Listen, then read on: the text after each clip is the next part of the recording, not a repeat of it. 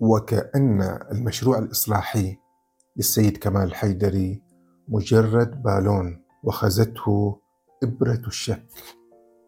حياكم الله في بودكاست ورق أحدثكم عن كتاب الدكتور الشيخ طلال الحسن. عنوان الكتاب المشروع الإصلاحي للتراث الديني. دراسة نقدية لمبانيه وتطبيقاته الجديدة. كتاب ضخم يقع في حدود 469 صفحة وهو في الأساس مجموعة من المحاضرات الصوتية تزيد على 30 حلقة ودرس وهو دراسة نقدية لمشروع السيد كمال الحيدري في قراءة الموروث الروائي الشيعي. من هو طلال الحسن؟ هو واحد من ألمع أساتذة الحوزة هو تلميذ للسيد كمال الحيدري من سنة 99 إلى 2007 وبقي قريب منه حتى لحظة الفراق البائن بينهما عام 2019 كان الحسن بالنسبة إلى السيد الحيدري كنفسه كما يقول يتحدث إليه وكأنه يتحدث مع نفسه. طلال الحسن حرر قرابة ثلث كتب السيد الحيدري. معروف أن السيد الحيدري قدم دروسه على الطريقة الحوزوية الشفاهية وهناك من يقوم من تلامذته بتحرير هذه الدروس وترتيبها في كتب. كان الحسن واحد من هؤلاء. كتب وحرر قرابة ثلاثين كتاب. من بينها سلسلة من إسلام محورية الحديث إلى إسلام محورية القرآن. وهو ما تقوم عليه فكرة المشروع الإصلاحي اللي يتحدث عنه طلال الحسن هنا في هذا الكتاب. ومن هذه السلسلة أصدر كتاب ميزان تصحيح الموروث الروائي ومفاصل إصلاح الفكر الشيعي. كذلك كتب دورات تفسيرية طلال الحسن حرر منها ستة أجزاء ثم توقف في 2019 بسبب هذا التباين مع السيد الحيدري في تطبيقات المشروع الإصلاحي كما سنرى. يجد طلال الحسن أن انطلاقة المشروع ومبانيه الأساسية انزاحت إلى منطقة أخرى وأفضت إلى تطبيقات أخرى. لذلك هو أيضا انزاح إلى منطقة أخرى. تقوم فكرة محورية القرآن على أن النزعة الروائية الاتجاه الإخباري هو الحاكم هو الغالب على الفكر الشيعي. وإذا أردنا أن نصلح الفكر الشيعي لابد أن نشتبك مع الموروث الروائي ونصحح هذا الموروث. لذلك برزت بالنسبة إلى طلال الحسن وبالنسبة للسيد كمال الحيدري برزت الحاجة إلى مشروع تصحيحي. هذا المشروع التصحيحي كما يقدمه الحيدري يقوم على سبعة محاور أساسية أو كما هم يقولون مباني. محورية القرآن القرآن هو الأساس الدليل العقلي القطعي وثالثا الأخبار المتواترة. لا نذهب إلى أخبار شاذة أو أحاد. ورابعا الضرورات الدينية المتفق عليها مثل الصلاة الصوم الزكاة. وخامسا مرجعية الحقائق التاريخية. هناك حقائق تاريخية ما يمكن نشكك فيها. هجرة النبي حادثة السقيفة حرب الجمل. والمبنى السادس مرجعية الحقائق العلمية المستقرة كدوران الأرض مثلا. وسابعا مرجعية نظام جمع القرائن. هذه المباني هذا هو المشروع في بعده النظري. طلال حسن يقول هو مقتنع بهذه المباني وهو انطلق مع السيد الحيدري من خلالها ومتمسك بها لكن وجد أن تطبيقات هذه المباني هذه المقدمات النظرية انزاحت وتزلزلت وأفضت إلى شيء آخر. لا يتفق مع المباني التي انطلق منها هذا المشروع الإصلاحي. وهذا الشيء العمل طلال الحسن على نقده وعلى توضيحه في مشروع السيد الحيدري. والتلميذ طلال والتلميذ طلال حسن يرجع ذلك هذا الإنزياح هذا الذهاب إلى منطقة أخرى إلى النزعة التشكيكية عند السيد كمال الحيدري. لذلك يقول بالنص في صفحة 80 وكأن المشروع الإصلاحي مجرد بالون وخزته إبرة الشك. من أين جاء هذا الشك؟ هذا ما سنعرفه بعد قليل. يجد الحسن أن السيد كمال الحيدري أصبحت لديه نزعة تشكيكية مطلقة غير مقيدة بشيء. صار يشك في كل شيء لا في السنة الصحيحة فقط بل صار التشكيك في القرآن الذي بين أيدينا. التشكيك في قطعيته وفي إسناده والشك في اعتبار القرآن الواصل إلينا. هو القرآن النازل على قلب محمد. بمعنى أن القرآن الواصل الذي بين أيدينا وليس القرآن النازل على النبي محمد. هذا هو معتقد الحيدري. ويقول أن القرآن الواصل يختلف عن القرآن النازل. يؤكد الحسن أن مشكلة المشروع الإصلاحي تكمن في أن مرجعية السيد الحيدري انزاحت من اعتبار الله أنه يعتبر الله مركز إلى اعتبار الإنسان هو المركز. بحسب المفهوم الغربي والحداثة وما بعد الحداثة إلى الألوهية وإلى الإنسان. وما يتعلق طبعا بهذا الانزياح من المحور إلى محور ما يتعلق بذلك من قبول الآخر طهارة الإنسان تعددية الحقيقة والنوع الاجتماعي أو كما يعرف بالجندر لكن هل طلال الحسن ينكر أن المشروع أفضى إلى تطبيقات إيجابية؟ لا لا ينكر ذلك وهو خصص فصلا كاملا لعرض ما حققه المشروع من حسم لجملة من الأحاديث الروائية الموجودة في التراث الشيعي والتي لم يتم حسمها. كان في تردد كان في خوف كان في تذبذب. يقول هذه التطبيقات الإيجابية لهذا المشروع قبل أن ينزاح إلى شيء آخر. من الأمثلة اللي يقدمها أن الرسول يذهب لإيقاظ الإمام علي وفاطمة الزهراء لصلاة الصبح فيتكاسلان ولا يقومان ويجادلان النبي بما لا يليق بسيرة الإمام علي التي نعرفها. هذا يعود كما يقول الحيدري إلى الصناعة الأموية التي عبثت بمدونة الحديث بسبب الموقف السياسي المعادي والمشوه للإمام علي وأهل بيته وقد تسرب شيء منها إلى مرويات التراث الشيعي. كذلك ما يروى عن الإمام الحسن أنه مزواج ومطلاق هذه أيضا تسربت وبقت مثل الشوكة في حلقة التراث الروائي الشيعي ولم يتم حسمها. لكن هذا المشروع الإصلاحي السيد الحيدري استطاع أن يحسمها وغيرها من المرويات الأخرى. بعد ذلك يخصص طلال الحسن أكثر من 200 صفحة وهو تقريبا لب الكتاب الأساسي وهنا نجد النقد الذي يقدمه الحسن إلى السيد كمال الحيدري يبين في هذا الفصل كيف أن التطبيقات التي ذهب إليها الحيدري مبنية على غير هذه المباني الإصلاحية غير هذه المقدمات آه، التي قرأناها.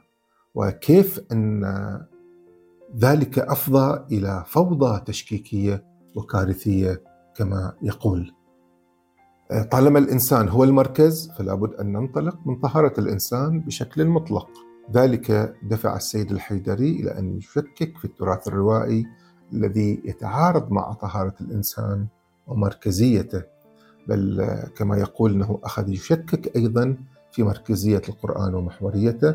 القرآن كما يقول إنما المشركون نجس فلا يقربوا المسجد الحرام مثلا. القرآن يقول إنما المشركون نجس فلا يقربوا المسجد الحرام. السيد الحيدري يقوم بالبحث عن قراءة أخرى لهذه الكلمة لكي لا تتعارض مع فكرة طهارة الإنسان يعني يحاول أن يستخرج قراءة لكلمة نجس. وهذا أفضب إلى الشك في صحة القرآن الواصل إلينا كما يقول طلال الحسن. فمن غير المعقول أن يكون القرآن النازل على النبي ينجس الإنسان الذي لا يعتقد بالإسلام. يقول طلال حسن أن النزعة التشكيكية عند الحيدري لا تفرق بين الثبت القرآني والقراءات العشر أو السبع. الثبت القرآني يعني أن القرآن آه، مكتوب كنص وقد وصل إلينا هذا الثبت بالتواتر. الشيء المكتوب وصل إلينا بالتواتر. يعني ليس شخص واحد الذي جاء به إنما جماعات كثيرة ولا أحد يشكك في ذلك. وهذا النص قطعي لا شك فيه.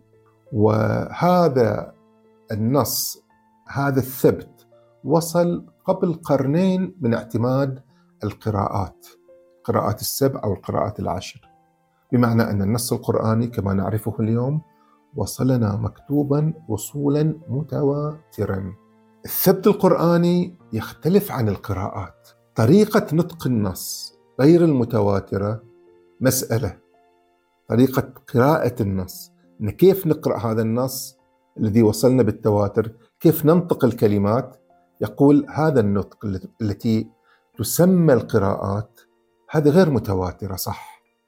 بس النص المكتوب متواتر لكن هناك فرق بين النص المكتوب وبين القراءات. هذه مسألة وهذه مسألة. ومعروف أن أشهر هذه القراءات اللي وصلتنا هي قراءة حفص عن عاصم بن بهدل الكوفي. أخذ هذه القراءة عاصم عن أبي عبد الرحمن عبد الله بن حبيب بن ربيعة السلمي وهذا أخذها بدوره عن والده الصحابي عن الإمام علي. قراءة حفص تنتهي إلى الإمام علي. وهناك قراءات أخرى معتمدة عن جميع المسلمين وأئمة الشيعة يوصون أتباعهم بقراءة القرآن كما يقرأه عامة المسلمين وفق هذه القراءات. إذا يقول ليست القراءات هي ما نستدل به على أن القرآن كامل وغير محرف. هذه طريقة النطق ببعض الكلمات، هذه فيها تجويد في اختلاف، فيها بعض اللهجات تدخل، ولكن نحن نعتمد الثبت القرآني المتواتر وهذا هو الدليل. أما القراءات فتحاول قراءة هذا المثبت وفق ضوابط اللغة العربية والمعنى. هناك اختلافات معينة في نطق بعض الكلمات لكنها لا تؤدي إلى أن يكون القرآن محرفا. إذا أين تكون المشكلة؟ يقول الدكتور الحسن أن الأستاذ السيد كمال الحيدري لم يفرق بين الثبت القرآني والقراءات، فجاء يعرض بالقرآن عبر مسألة عدم تواتر القراءات، وهذا يعني الشك وأنها لا تتطابق مع القرآن النازل على قلب النبي. والنتيجة قد تكون هذه القراءات صحيحة لغويا كما يقول الحيدري لكنها ليست معتمدة شرعيا لأننا لا نملك الدليل على أن النبي قرأها هكذا. بمعنى أن هذه القراءات التي نقرأ بها على طريقة حفص عن عاصم هل هي نفسها القراءة التي قرأ بها النبي أو قرأ بها المعصومون. هل هذا القرآن هو قرآن النبي؟ لو قرآن عاصم. هذا اللي يتساءل فيه ويشكك فيه كما يقول الحيدري.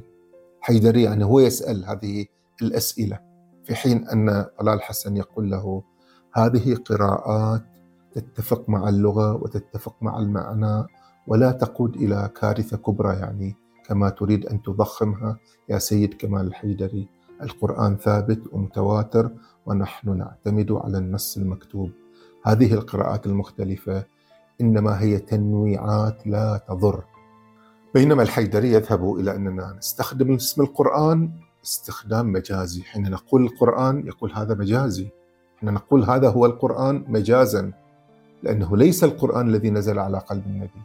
طلال حسن يقول هذه نزعة تشكيكية دمرت كل شيء. وصار المشروع الإصلاحي آه، مشروع يقوم على الشك في كل شيء واعتبار الإنسان بكل نزعاته ومعتقداته هو الأساس هو المركز. بعد ذلك صعد الدكتور الحسن من لغته النقدية تجاه السيد الحيدري فيما يتعلق بالأمانة العلمية. يقول إن الأستاذ السيد بحاجة إلى أن يتعلم مفاتيح الاقتباس والأمانة قبل مفاتيح الاستنباط. يعني إن السيد هذا نصا أنقله إن الأستاذ الحيدري يحتاج إلى أن يتعلم مفاتيح الاقتباس والأمانة قبل مفاتيح الاستنباط. ويعطي أمثلة تتعلق بنقل واقتباس أقوال من الشيخ الطوسي السيد الخوئي الطباطبائي التستري الهمداني. هؤلاء الخمسة يقول أنه أخذ منهم اقتباسات غير صحيحة.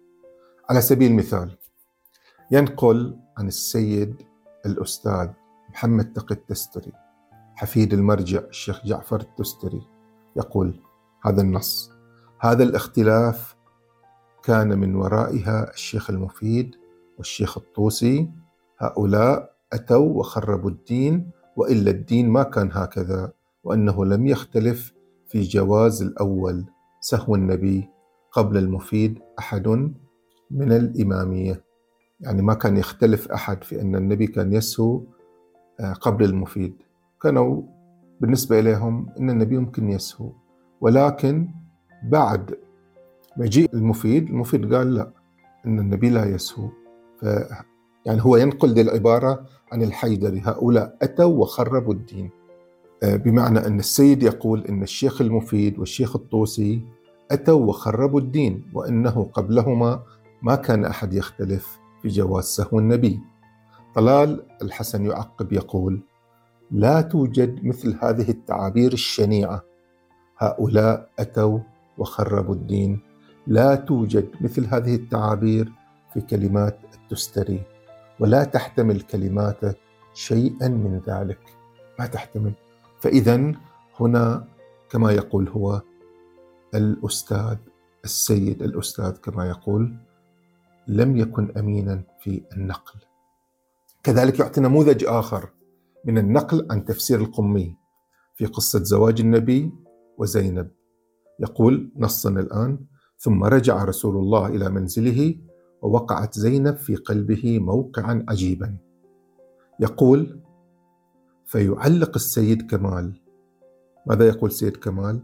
يقول الشيطان نفث بفهمه في قلب من؟ من نظرة أحب من؟ بلى هذا تفسير القمي يعني هذه تعليقات السيد كمال الحيدري في في الحلقات. فطلال حسن يقول هذه التساؤلات الأخيرة طرحها الحيدري ليوهم الطلبة الذين يستمعون إلى درسه أن هذا الهراء من كلمات القمي وهي ليست كذلك. فالحسن يرجع ذلك إلى الطريقة التهويلية والتقويلية التي يستخدمها السيد كمال الحيدري. وأنا أنقل هنا النص من كتاب طلال الحسن يقول أسلوب التهويل يكاد أن يكون مستحكما في معظم دروسه بل التقويل أيضا وكأنه في أسلوبه التهويلي سيفتح الأندلس أو سيعيل القدس انتهى الاقتباس آه، بمعنى أن هذه الطريقة الاستعراضية التي يستعملها السيد كمال في دروسه وكذلك في برامجه التلفزيونية التي تقوم على التهويل ورفع الصوت والمبالغة في الانفعالات هذه الطريقة تسبب خللا في التلقي وتداخلا في حالات الاقتباس وتضر بالأمانة العلميه. كذلك مثال ثالث عن الشيخ الأنصاري. يقول نقلا عن كلام السيد الحيدري هذا ما يصرح به الان نصا من السيد كمال هذا ما يصرح به الشيخ مرتضى الأنصاري. يقول لا يوجد مشكلة نكذب على السنة فنبهتهم لنسقط اعتباراتهم. نقول كذب هذا. يقول نعم مصلحة إسقاطهم أكثر من مفسدة الكذب وعند التزاحم تقدم المصلحة على المفسدة وموجود هذا اذهبوا وراجعوا اليوم. هذا نص كلام الحيدري. فطلال الحسن يعلق إذا ذهبنا إلى نص الشيخ الأنصاري ماذا نجده يقول؟ يقول الأنصاري الآن سيأتي هو الفقرة كذلك يجوز هجاء الفاسق لئلا يؤخذ ببدعه لكن بشرط الاقتصار على المعائب الموجودة فيه فلا يجوز بهته بما ليس فيه لعموم حرمة الكذب. وما تقدم من الخبر في الغيبة من قوله عليه السلام من حق المبتدعة باهتوهم كي لا يطمعوا في إضلالكم محمول على اتهامهم وسوء الظن بهم بما يحرم اتهام المؤمن به بأن يقال لعله زان أو سارق. انتهى النص. تعقيب طلال الحسن يقول في المقام هذا انتهى كلام الشيخ الأنصاري. فأين موضوع أهل السنة في المقام؟ لأن السيد كمال حيدري في الاقتباس ذكر السنة في حين هو غير مذكور. هكذا ينتهي طلال الحسن إلى المقولة التي يصف فيها مجمل هذا المشروع بأنه بالون وخزته إبرة الشك.